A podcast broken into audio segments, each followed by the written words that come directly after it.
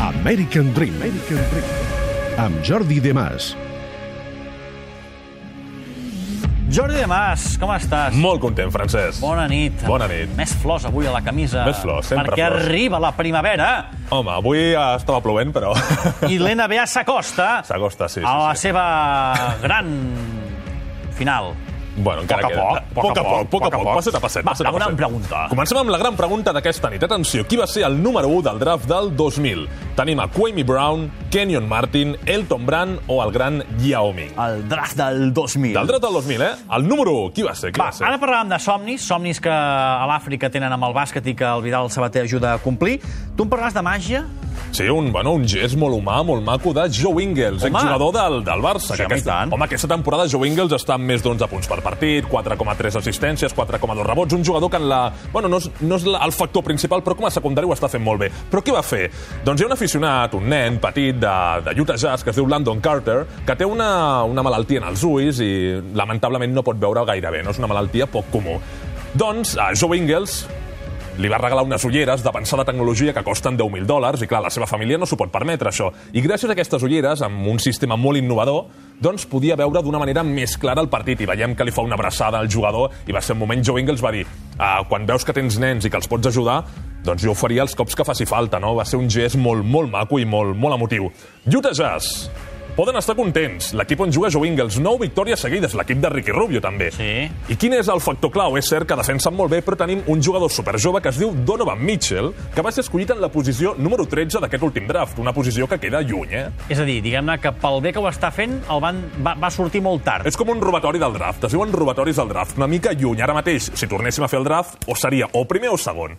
I aprofitant això, he pensat, per què no porto grans jugadors que van ser escollits en posicions molt llunyanes? És a dir, cracs que Exacte. anaven de tapats. De tapats, si podríem dir. Per exemple, Va. ah. Steve Nash, un dels millors bases de tota la història. Dos cops MVP de la NBA. Eh, tercer màxim assistent de tota la història. Posició número 15 del draft del 96. Si va haver-hi 14 que van passar d'ell. Però no t'ho perdis. Kobe Bryant, draft del 96, el gran Kobe Bryant, no? A 5 anells, tercer màxim anotador de tota la història.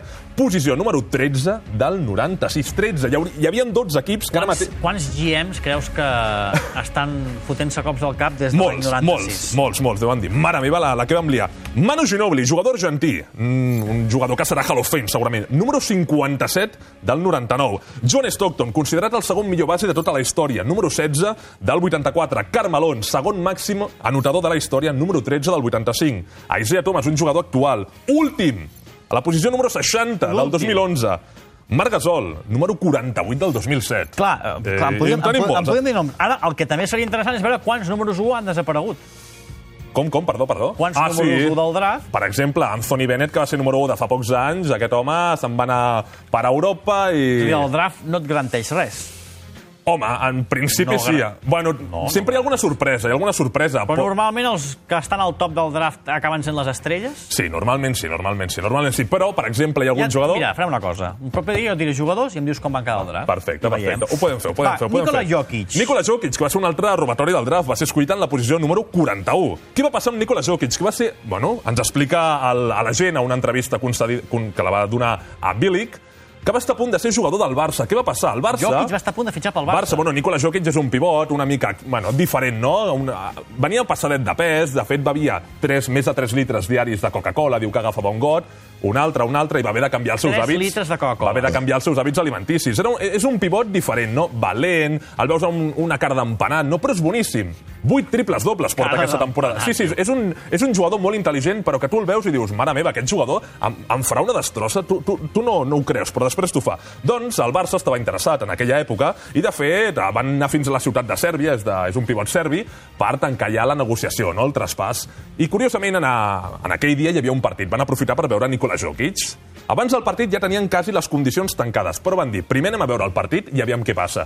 Aquell partit, Nikola Jokic, ens explica el seu agent, va fer el seu pitjor partit de tota la seva història. I clar, després del partit, el Barça va dir una miqueta de temps, aviam què passa. Mm. Pensem-nos-ho. Pensem-nos. Però Denver Nuggets, el general manager de Denver Nuggets, va dir escolta, el Bui, el Bui, van apostar fort i ara està a l'NBA i va camí de convertir-se en un dels millors pivots De quin any del parlem? món.